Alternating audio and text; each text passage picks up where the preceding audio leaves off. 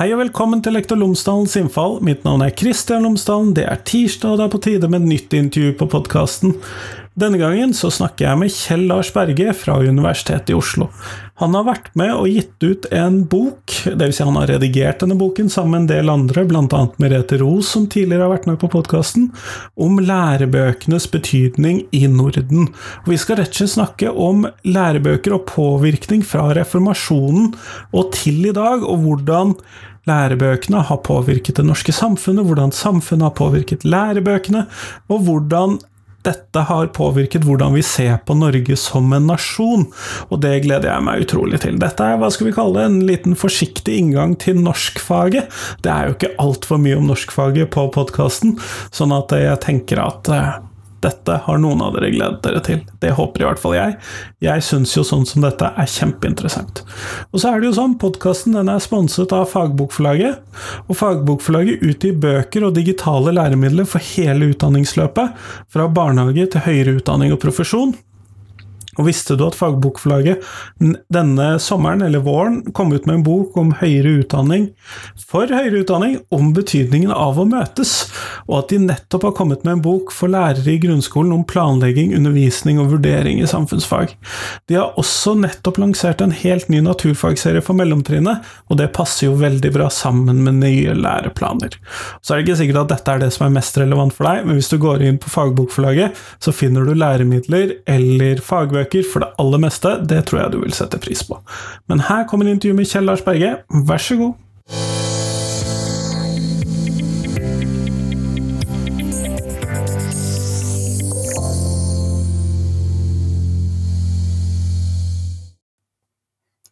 Kjell Lars Berge, tusen takk for at du har tatt deg tid til meg i dag.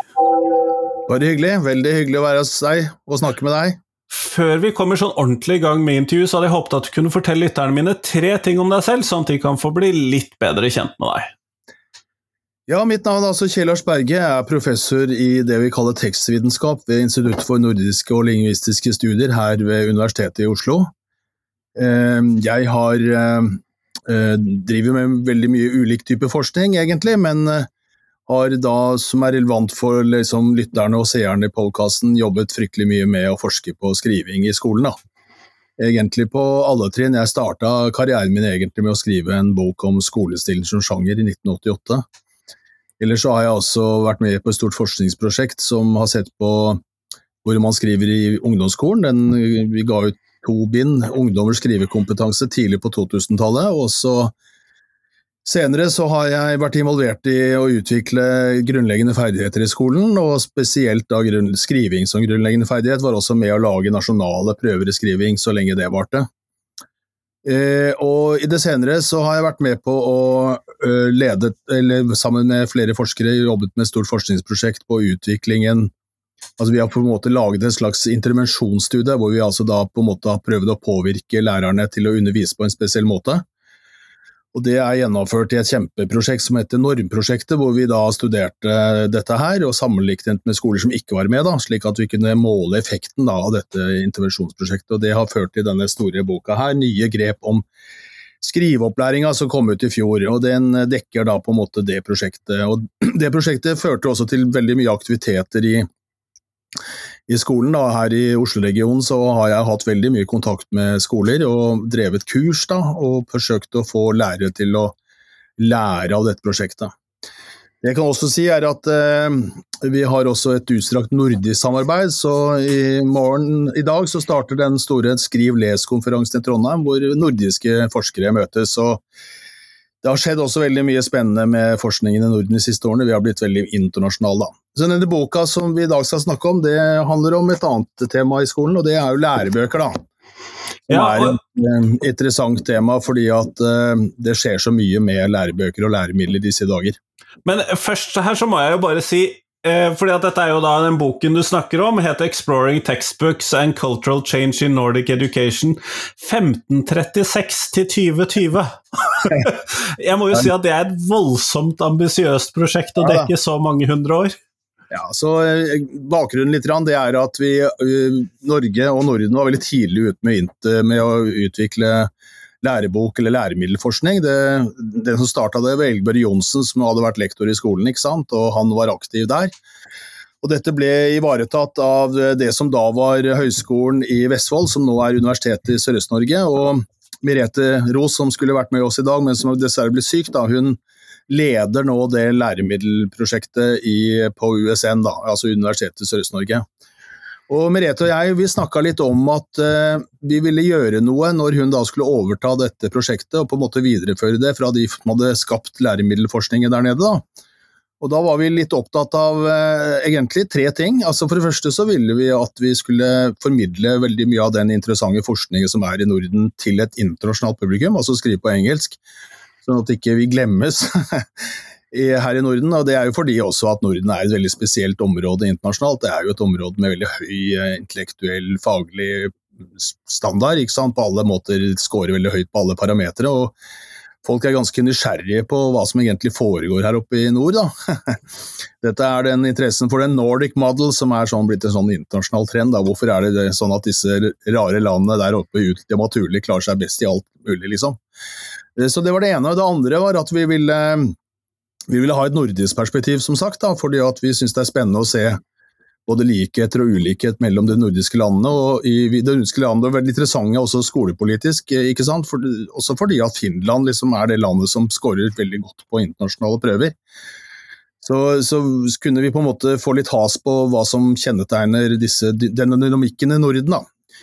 Så Det tredje vi ville presentere, var jo selvfølgelig læremidler som sådan. Hva har skjedd med forståelsen av læremidler gjennom historien? Altså Dette har jo vært utrolig viktige tekster eh, kulturelt i, i, i, Norden. da.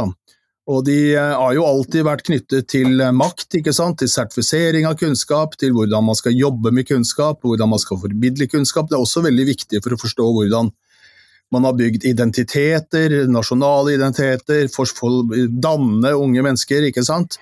Så at lærebøkene ville vi på en måte avsentimentalisere litt, ikke sant. Altså gjøre dem til noe mer enn bare sånne hverdags, gråe hverdagstekster som elevene har i ranseren eller på pulten, men rett og slett se det som makttekster. da.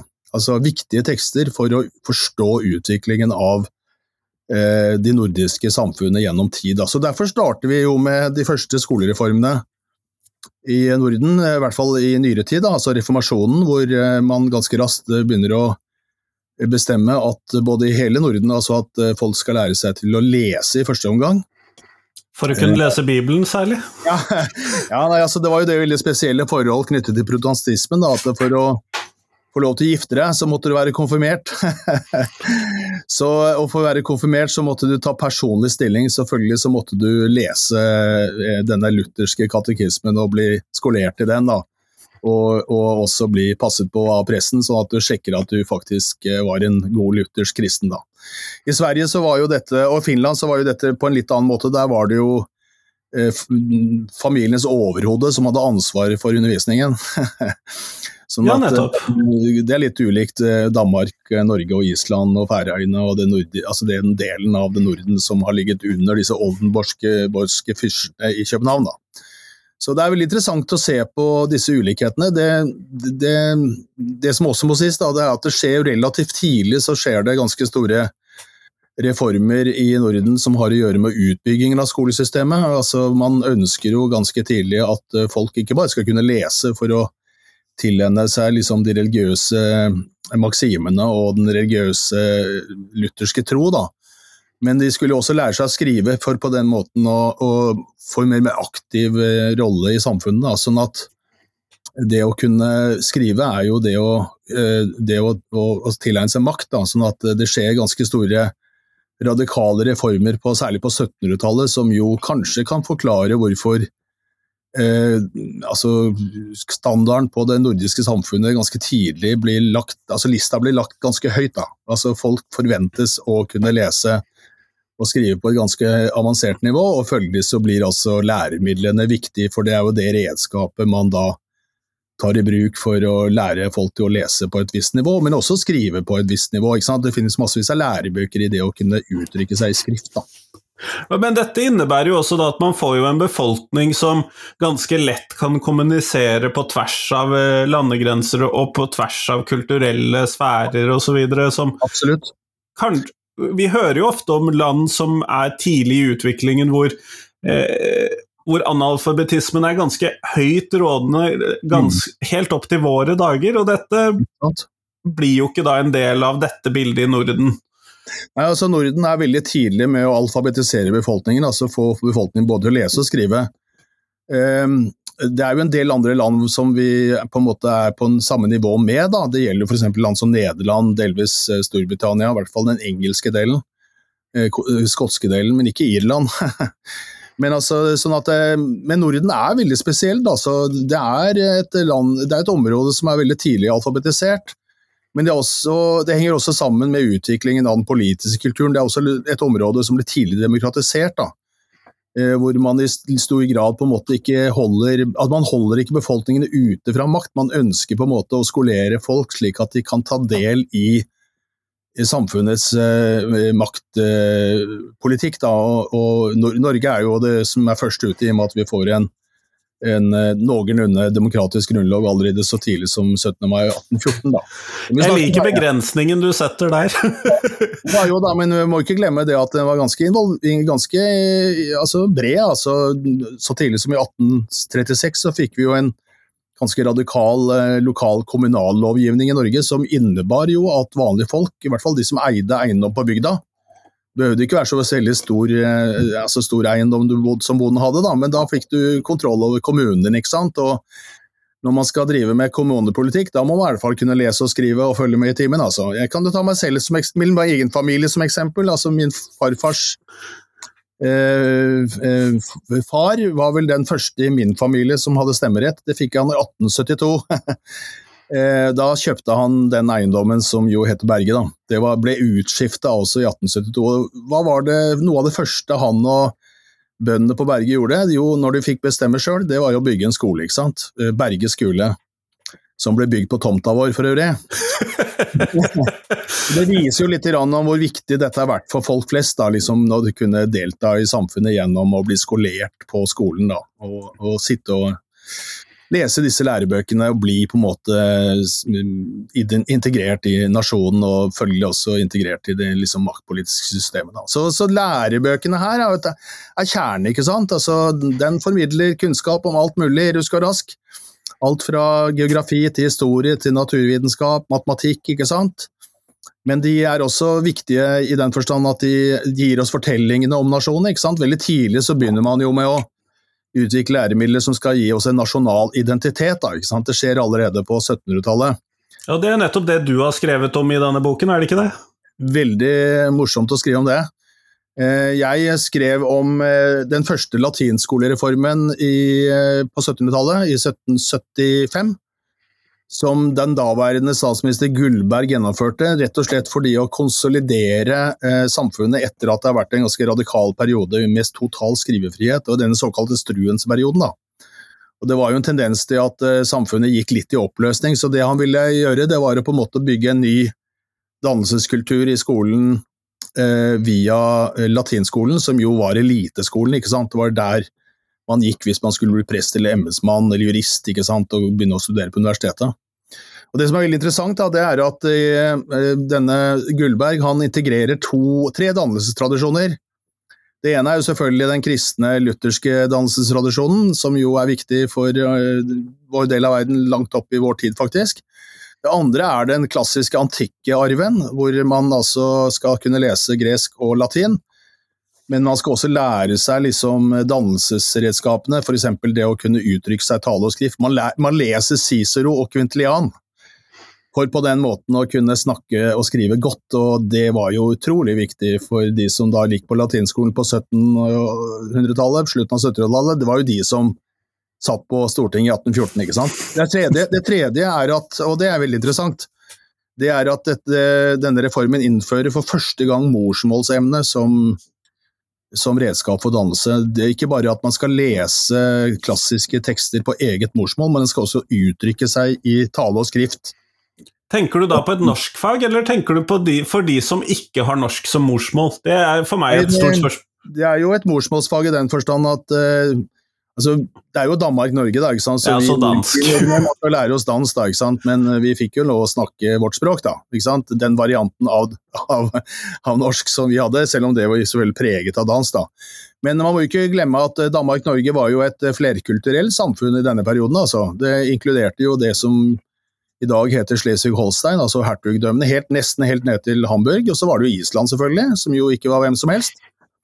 Et ganske avansert samfunn med høy skriftkulturell kompetanse siden middelalderen. ikke sant? Og så hadde man jo Færøyene, og også Grønland. Sånn at, eh, sånn at, dette med morsmål, det må man jo se eh, i lys av at det fantes ulike morsmålstradisjoner. Så tyskerne fikk lov til å snakke tysk og skrive tysk, mens vi skulle da skriver dansk, men snakker på vårt eh, kråkemål eh, norsk, da. men altså, det viktigste her i hvert fall, det er at eh, det åpnes jo for en helt ny forståelse av hva som er viktig i skolen. Da. Så nå er det ikke bare om å gjøre å lære seg liksom, eh, den kristne tradisjonen og den latinske, greske tradisjonen, men man skal også legge vekt på den nasjonale, hjemlige tradisjonen. Da. Det, jo, eh, det henger sammen ikke sant, med et helt nytt syn på samfunnet. Det som eh, altså den det kalles patriotismen, altså den første perioden som jo innleder 1800-tallets nasjonalisme, hvor man begynner å få nasjonale identiteter. Og, og, Der kommer jo lærebøkene inn som utrolig viktige tekster. ikke sant? Vi kjenner disse bøkene, ikke sant? type Store norske og, og, og holstenere, altså den til Malling da, som forteller, om, forteller historier om om fremragende danske nordmenn og holstenere som barna på skolen leste med stolthet av. ikke sant? Tordenskjold, ikke sant. Anna på Ringerike som stopper svenskene i 1712 og sånne helter, da. Men dette er jo da en annen virkelighet, skolebokvirkelighet, enn det vi har i dag. For i dag så er det jo ingen godkjenningsordning. Jeg regner med at dette her var statlig funderte dokumenter, det du snakker om? Det kan jeg love deg. Altså, skolebøker og læremidler har vært under sterk eh, skal vi si, politisk kontroll eh, helt fram til vår tid. Og Det er jo fordi at eh, det har vært knyttet veldig prestisje til disse bøkene. Det har jo vært lagt stor politisk vekt på dem. da. Og Så kommer eh, vi inn i vår mer liberalistiske og liberale periode, hvor på en måte dette ikke lenger skal styres av staten sånn som vi var vant med, men altså at vi skal på en måte overlate mer til skolene og lærerne, eller skoleeierne som det heter i dag, og bestemme hvilke prioriteringer man skal gjøre. da. Og det, det, nye nå er jo selvfølgelig at uh, læremidler ikke nødvendigvis lenger er i boksform eller i papirform. Man skal rett og slett uh, lese digitalt og lese på apper og på nettsteder og sånn. Og I en artikkel i denne boka så har to danske forskere sett på denne spesielle utviklingen, som er tatt, kom, kommet veldig raskt og som jo etter manges mening er kommet som julekvelden på kjerringa på mange lærere. Eh, jeg tviler ikke. Det som disse danskene helt klart påpeker, og som jo nok er et inntrykk mange av oss sitter med, at dette er ikke nødvendigvis en reform som er knyttet bare til pedagogiske eh, forutsetninger, men at den reformen har å gjøre med å spare penger, effektivisere formidling av læremidler, gjøre ting så billig som mulig, egentlig. Altså, det er et sånn teknokratisk, byråkratisk prosjekt mer enn et et prosjekt som er rettet mot eh, kunnskap og læring. Vi vet jo fra en del studier av uh, hvordan leseutviklingen uh, utvikler seg i hele verden, og for så vidt alle disse landene som på en måte legger stor vekt på lesing og skriving i skolen, da, og det er de fleste land som gjør, selvfølgelig, men også her i Norden så ser vi jo en ganske sterk utvikling av nye former for lesing, digital lesing, som jo ikke lenger er sånn fordypningslesning som, hvor man lærer seg konsentrasjon og sitte i fred og ro over lang tid og lese litt kompleks tekst. Da man skal som, surfe på internett og finne informasjon så raskt som mulig, og så omsette det til en slags form for eh, ytring. Da. Så det forandrer i grunnen på en måte litt måten man forholder seg til kunnskap, men også hvordan man forholder seg til det å tilegne seg kunnskap. Da. Og det er nok eh, grunn til å diskutere om dette er en hensiktsmessig utvikling, hvis man er interessert i å faktisk sjekke om barn og unge får med seg ganske sentrale eh, tekster og innsikter i kulturen. Altså. Men det vil jo være en, eh, hva skal vi kalle det, de som da skal gjøre tilsvarende jobb om 100 år eller 300 år eller 500 år, og som skal gjøre den jobben som dere nå har gjort med å undersøke ja. disse læremidlene, det mm. vil jo være en ganske annen opplevelse etter år 2000 eller etter 2020. Er du Virkelig. Nå har jeg vel for følelsen av, så er jo ikke jeg lærer selv, da, men jeg har jo veldig nær kontakt med skolen, og jeg har jo en kone som er lærer og lese- og skrivelærer, faktisk, på en av skolene i Norge som jo har et ganske høyt nivå, vil jeg si. Eh, de også, der er de veldig opptatt av at eh, ja takk, begge deler. Altså, det er klart de er pålagt å digitalisere undervisning og sånn, men de legger også stor vekt på å utvikle et godt skolebibliotek, hvor barn eh, får lære seg rett og slett å sitte i fred og ro og fordype seg i en bok. Ikke minst trene dem i å kose seg.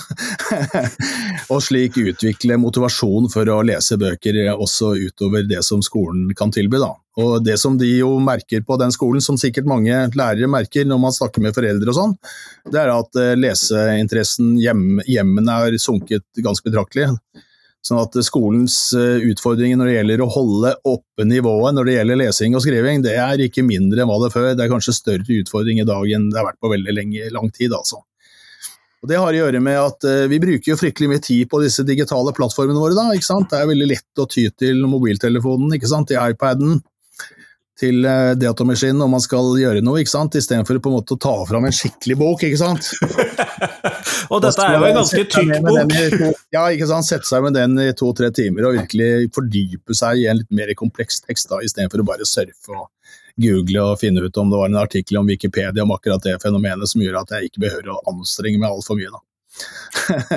Men, så, det jo, så det, er sånne, det, er jo, sånne, perspektiver som denne boka eh, tematiserer. Altså, hva, hva, hva, gjør vi, liksom? Altså, vi, vi jo, samfunnet vårt er jo mye mer komplekst enn noensinne. Det er utrolig kunnskapsutvikling, det skjer noe hele tida, liksom. Og samtidig så, så legger vi kanskje litt for lite vekt på i dag å faktisk fordype seg og skaffe seg innstikk på en litt grunnleggende måte. Altså, det, er jo, det, er jo, litt paradoksalt at vi har hatt en revisjon av Kunnskapsløftet som skal legge vekt på dybdelæring, mens, vi, eh, mens myndighetene, og særlig skoleeierne i en del kommuner i Norge, så legger vekt på at man skal få lettvinte læremidler digitalt og ikke fordype seg for mye, men ja, tilegne seg komplekse fenomener på en veldig enkel måte. da.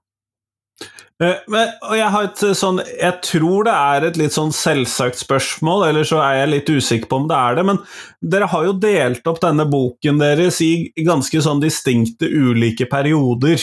Ja. Eh, med reformasjonen, opplysningstiden, nasjonalismen og dannelsen av demokratiet. Velferdsstatens begynnelse, og nå da globalisering og digitalisering som den siste perioden. Mm.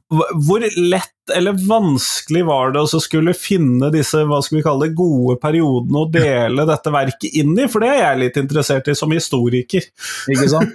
Nei, altså Vi syns vel uh, i og for seg det er ganske greit å bruke, altså anvende seg av de periodene vi har snakket på. Vi, det er jo etablerte kategorier. ikke sant? Altså Først reformasjonen, så opplysningstida. Opplysningstiden er jo en veldig distinkt periode, som jo eh, på mange måter er lett å ta egenskapene til. ikke sant? Gjennombruddet for vitenskapelig tenkning, for demokratisk tenkning osv. Eh, det er også interessant synes jeg, at 1700-tallet så begynner naturvitenskapen å sette sitt preg på læremidler og lærebøker, men ikke så veldig sterkt. Det er jo noe som hører hjemme i senere perioder, og særlig Altså er ikke, skolen er ikke, noen, eh, er ikke, noen, progressiv kraft når det gjelder naturvitenskap før langt inn i vår tid, altså.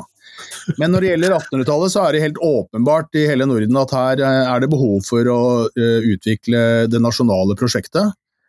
Uh, alle disse landene sliter jo med en forståelse av seg selv i verden, liksom. Og det, Norge er jo en ny stat som skal etablere seg. Finland ligger under plutselig.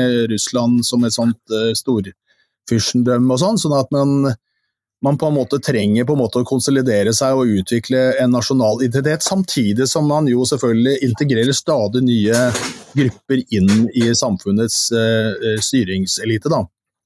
Når det gjelder, uh, så Den perioden er relativt grei også. Uh, utrolig viktig for Finland, som er et veldig interessant land. Hvorfor er det sånn at skolen har så høy prestisje i Finland? Og Det ser vi veldig tydelig når vi kommer til velferdsstaten, da, hvor vi begynner å utvikle disse nordiske sosialdemokratiske pregede samfunnet hvor, vi, hvor, vi måte, hvor skolen er allmenn. Der er jo Finland veldig interessant, fordi at Finland er jo i den situasjonen at de ikke bare de bryter jo ut av Russland når den russiske revisjonen, men de opplever jo to ting som jo Eller to De har jo to-tre kriger som vi ikke ellers i Norden opplever. For det første har de borgerkrig. Eh, for det andre så de, blir de angrepet av Sovjet, ikke sant? sånn at vinterkrigen. Da, og, og, for det tredje så er de jo aktive også under andre verdenskrig for å prøve å ekspandere. Og Det som er interessant med Finland, som jo mange tror jeg ikke helt har fått med seg, og som vi syns er veldig gøy å presentere i denne boka, det er en ganske klar forklaring på hvorfor skolen i Finland har så høy prestisje. Og Det er fordi at mennene var på, i krig, så det er kvinnene som var kulturbærere i bygda, og kvinner i bygda de var lærere for barna som for på den måten å bevare nasjonen. Men ikke bare som en nasjonalistisk prosjekt, men som et kunnskapsprosjekt. Og Det er vedvarende i Finland at skole og kvinner hører sammen, og høy prestisje. Det er viktig å være lærer fordi at det har å gjøre med å bevare nasjonen mot overmakten. Da. Det syns jeg er en eh, god historie å fortelle. Da. Så, så, velferdsperioden den varer jo langt inn på 1900-tallet. Da skjer det jo veldig store forandringer med norsk skole, med nordisk skole. Særlig Sverige eh, gjennomfører en ganske radikal liberalistisk reform som veldig få av oss skjønner den dag i dag. det de gjør det jo eh, mye lettere å drive privatskole i Sverige, men også tjene penger på å drive skole. da.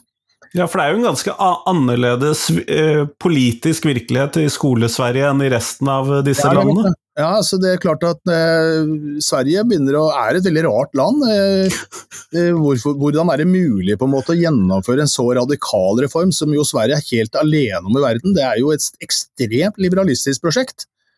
Som selvfølgelig har å gjøre med den litt triste innsikten at eh, Sverige, som et av de første velferdsstatene i verden, de slapp jo under av andre verdenskrig og kunne bygge ut velferdsstaten mens vi andre måtte krige, ikke sant. Eh, eh, det som jo skjedde i Sverige 19, eh, på 1990-tallet, det var jo at staten gikk konkurs.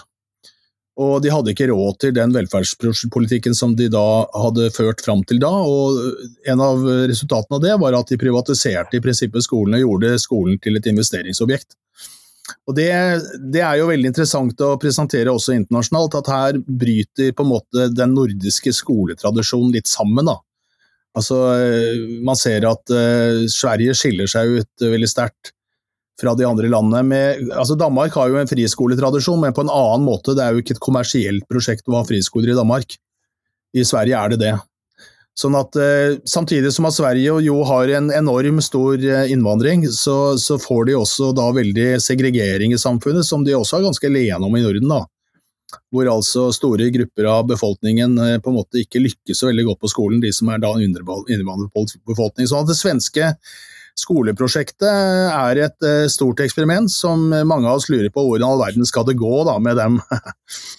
men, men, det litt interessante i det, i det at du skisserer opp denne veldig ulike politiske virkeligheten i disse mm. landene, og ganske ulike skolesystemer, så scorer jo likevel alle disse landene veldig høyt på mange av de samme indeksene.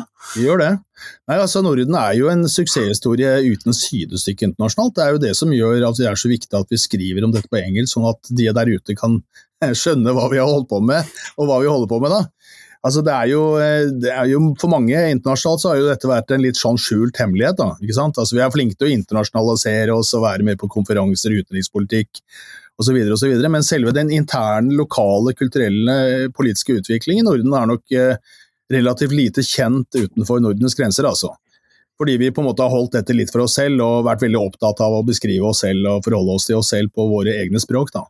Så Derfor er det viktig å fortelle denne historien, men også fortelle litt eh, folk der ute hvilke utfordringer som vi står overfor i dag, selv med så vellykkede samfunn. da. Eh, når det gjelder f.eks. leseferdighet og sånn, så altså, vi ligger jo høyt alle de nordiske landene. Eh, Norge har jo klart å motvirke den svekkelsen som digitaliseringen faktisk har innebåret, eh, ved å satse hardt på lesing de siste 20 åra. Eh, men Sverige har jo et kjempeproblem med at veldig mange er unndratt eh, De får ikke lov til å være med på disse PISA-testene fordi de ikke kan svensk godt nok, rett og slett. Så at Den svenske befolkningen er, eh, holder et veldig høyt nivå. Det som jo er problemet med Sverige, det er at det er svært mange av elevene i svensk skole som ikke kan svensk godt nok til å kunne delta i samfunnet på de andre svenskenes premisser, og det er jo alvorlig. Så, eh, så, det er klart at eh, man, da står, står man ganske overfor ganske store problemer. altså Hvordan verden skal vi klare, hvordan skal de klare å, å, holde den standarden som man forventer at de skal holde også i framtida? Den, den, situasjonen har vi jo ikke på samme måte i Sverige, nei, Norge, Danmark og Finland, rett og slett fordi vi har vært flinkere til å integrere befolkningen, altså grupper som har kommet til våre land seinere.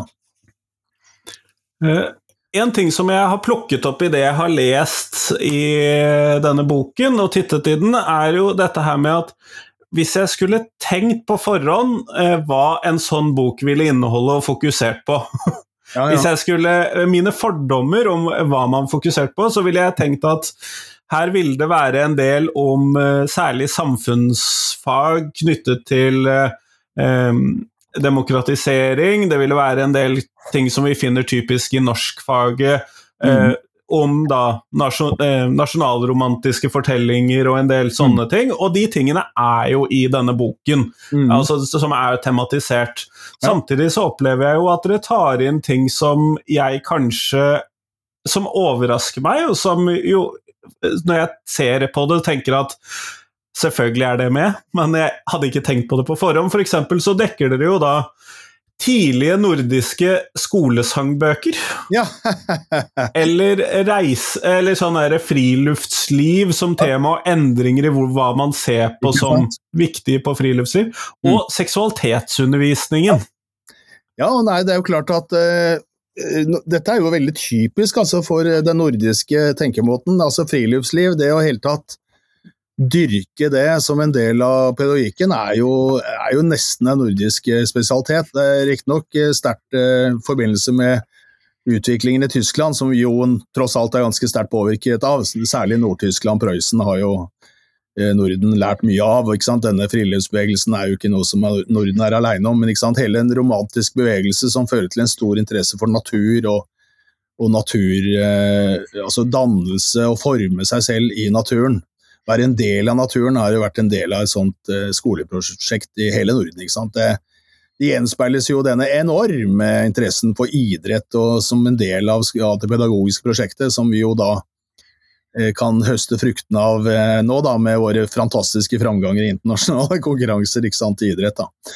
Så Det er veldig typisk for Norden, og noe som interesserer folk. altså Hvordan en sånn demokratisk folkebevegelse knyttet til friluftsliv og idrettsliv også er en del av skoleprosjektet. Det andre du nevner, det er jo seksualitet, og det er også Norden pionerer på. Eh, det å på en måte avskaffe, eller på en måte fjerne skamfølelsen rundt seksualitet, da, det er jo et tidlig prosjekt i Norden, faktisk. Allerede på 30-tallet så, så, begynner det å sette spor i lærebøker og læremidler. og det er også noe som vi er ganske, vi er ganske spesielle på det punktet, altså. Og, og, og er radikale da, etter manges mening internasjonalt. Da. Det siste du nevnte, hva var det igjen? Det var, eller det første du snakket om, det var Det var sangbøkene! Ja, ja, ja, selvfølgelig. Og det er jo også en viktig del av den nordiske dansetradisjonen. Bruke sang som et læring, læremiddel. Som et læringsmiddel, som et dannelsesprosjekt. da. Eh, det har jo vært en viktig del sant, av skolen. Altså jeg for min del for jo, så sang vi på skolen hver dag på, når vi møtte opp. Jeg også. jeg måtte jo, vi, vi, lagde eget instrument på sløyden som vi brukte for å spille i et korps og sånn. Sånn at eh, Det er jo en tragisk utvikling eh, at det er blitt svekka i skolen. Hvorfor i all verden er liksom sånne praktiske, estetiske ferdigheter som det å synge og spille et instrument på en måte har den prestisjen eller den posisjonen i skolen som det hadde for, det, det, er en veldig merkelig utvikling. Også fordi at uh, musikkulturen uh, og musikklivet er jo mer avansert og mer uh, utviklet enn noensinne, sånn at hvorfor skal skolen degradere den typen skal vi si for noe kunnskap og tradisjon? Det, det syns vi er veldig spesielt. Men det er veldig påfallende altså, at uh, disse sangbøkene har jo vært storselgere. Altså, dette er virkelig læremidler som selger i bøtter og spann, altså. Gjennom generasjon etter generasjon. Og uh, mine foreldre kunne jo på rams ikke sant, disse sangene, de som vokste opp på 30-tallet og sånn. Og kanskje også på 50- og 60-tallet, og så tar det litt slutt ikke sant, når vi nærmer oss 70- og 80-tallet, og da er det ikke lenger den prestisjen knyttet til det å kunne synge de nasjonale sangene lenger. Dessverre. Ja, For min del så var det nok primært sett salmesangen som hang igjen når jeg kom på skolen.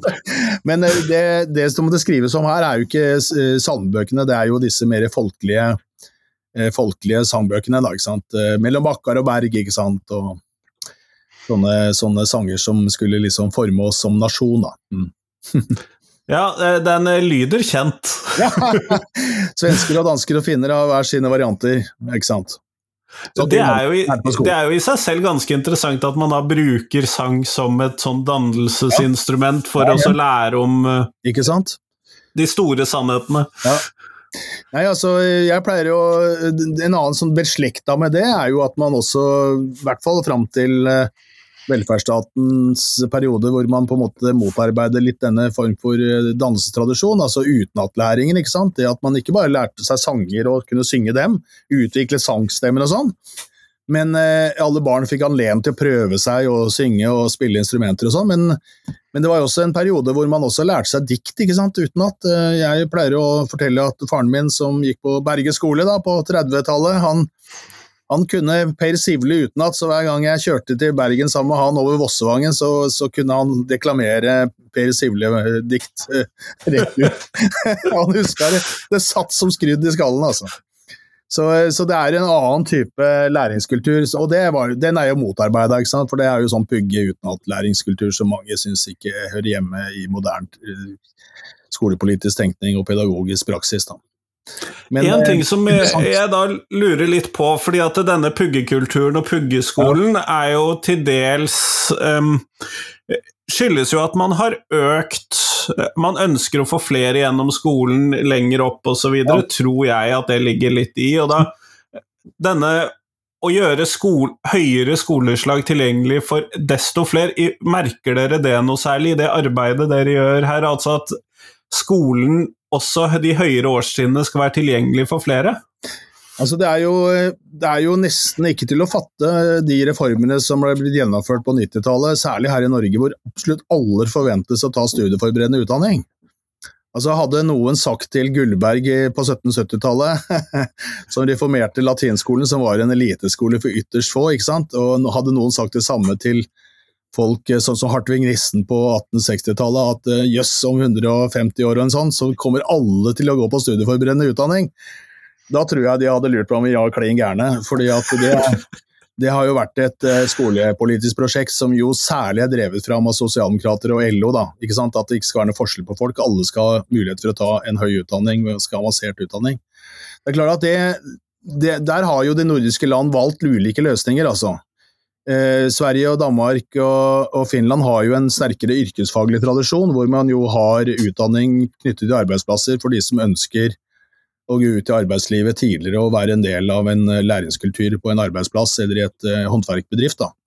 Mens i Norge så har vi nedtona det ganske mye, faktisk. Det er det som er litt paradoksalt med Norge. altså At yrkesfagsutdanning eller mer arbeidslivsorientert utdanning ble betydelig svekket eh, takket være disse reformene som er gjerne knyttet til Gudmund Herne sitt navn. Merkelig nok, han var jo sosialdemokrat, han skulle jo tro at han verdsatte den typen læringstradisjon. Eh, det ser vi jo i dag at vi nå diskuterer i Norge, hvordan vi kan ivareta i større grad de læringskulturelle tradisjoner som yrkesfagutdanning eh, representerer, som jo også har sine læremidler. Altså jeg jobbet i sin tid på Sogn eh, videregående skole, som da var yrkesskole, på 80-tallet. Dagens Kuben. Nettopp. Og der, der, var det jo De skulle jo lese og skrive på et avansert nivå også, men det var jo en annen måte å jobbe med tekster på. Man leste jo ikke bøkene i forkant for den måten å lære seg å være snekker eller elektriker. Man leste bøkene i etterkant for å forstå hva jeg har lært på arbeidsplassen, når jeg skal forstå hva elektrisitet og snekkerarbeid er. sånn at eh, de hadde jo, altså Det er en veldig avansert læringskultur i yrkesfag, ikke sant? men lærebøkene er konstruert mer som redskapsbøker, mindre enn å lære om bøker, da, ikke sant, du skjønner. Så det er, jo, det er jo, noe som jo jeg syns kan være veldig spennende å se på. Eh, hvordan den typen læremidler er konstruert, for på den måten å virke som gode læringsverktøy. Da. Eh, for det er jo sånn at eh, alle disse yrkesfagene har jo avanserte kunnskapstradisjoner knyttet til seg, med veldig høyt nivå. Og også veldig komplekse forståelser av de fenomenene de skal forholde seg til. Type være snekker, f.eks., er jo ikke noe enkel jobb. Det er jo ikke bare å, å bruke hendene, ikke sant. Det er jo å kunne lese ganske avansert om hvordan man måler og tegner og, og setter opp hus og sånn. Det er jo veldig, veldig spennende kunnskapstradisjon. Som i veldig liten grad er studert, faktisk. Og, og, sånn at det er jo et spennende felt i seg selv. I tillegg til da at hvorfor har vi da nedtonet uh, dette så sterkt som vi har gjort i norsk skole, mens man i Sverige, Danmark og Finland i større grad har tatt vare på det. Der er det jo ikke på den måten vanlig at alle tar sånn eh, gymnasutdannelser, som det jo fortsatt heter i de andre nordiske land. da. Altså Vi heter jo ikke det lenger i Norge, ikke sant? det har ikke hett det på siden 70-tallet, men i Sverige, og Danmark og Finland så heter det fortsatt gymnas, da. Det som er studieforberedende. Noen av oss har jo gått på så konservative videregående skoler at de heter gymnas fremdeles. Ja, Nei, det er jo Jeg tror det ble Ordet ble vel tatt ut uh, formelt i Norge altså til 1974 eller sånn. Uh, sånn at det sitter jo igjen da, den forestillingen om at det er noen uh, skoleslag som er litt finere enn alle, og de kaller vi gymnas, da. Men, men, her jo her, her, tror jeg det kommer til å skje veldig mye med skolepolitikken, faktisk. Også fordi at vi ikke klarer å utdanne nok folk til ganske viktige samfunnsoppgaver. da. Ja, Nei, det er jo krevende. Du, eh, Kjell Lars, vi går mot slutten av den tiden vi har. Ja. Og da så skal jeg stille deg det spørsmålet som jeg stiller til alle de jeg intervjuer for tiden, og det er eh, hva er de tre viktigste tingene som skolen lærer elevene? Nei, altså Der er jeg nok enig med skolepolitikerne som sier å skrive, lese og regne.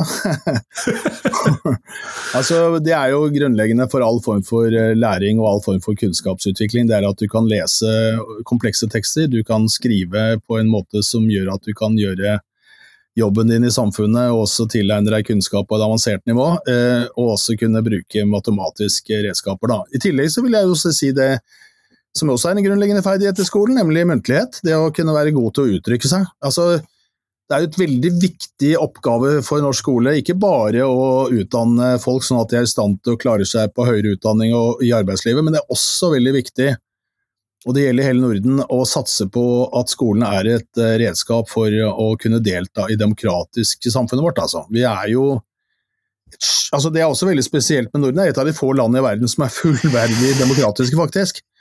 Og Det er jo fordi vi har en så sterk tradisjon i Norden med at folk skal kunne på en måte bli hørt. Og hvis man skal bli hørt, så må man være god til å snakke og må man være god til å skrive. altså. Så det jeg vil si at det er kjempeviktig, dette her med lesing, skriving, muntlighet, og selvfølgelig også regning. Da. Så det er basis for det andre. Eh, så det er det etter min mening absolutt det viktigste skolen holder på med. Vi vet jo at det ikke er enkelt, for det er mange som sliter med lesing, det er mange som sliter med skriving. Sånn at det nytter ikke å ligge på latsida her. Her må det jobbes stenhardt for å holde oppe garden og holde oppe standarden i, i skolen, altså. Det må det. Eh, tusen takk for at du tok deg tid til meg i dag, Kjell. Bare hyggelig. Lars. hei, hei. Veldig hyggelig å være her.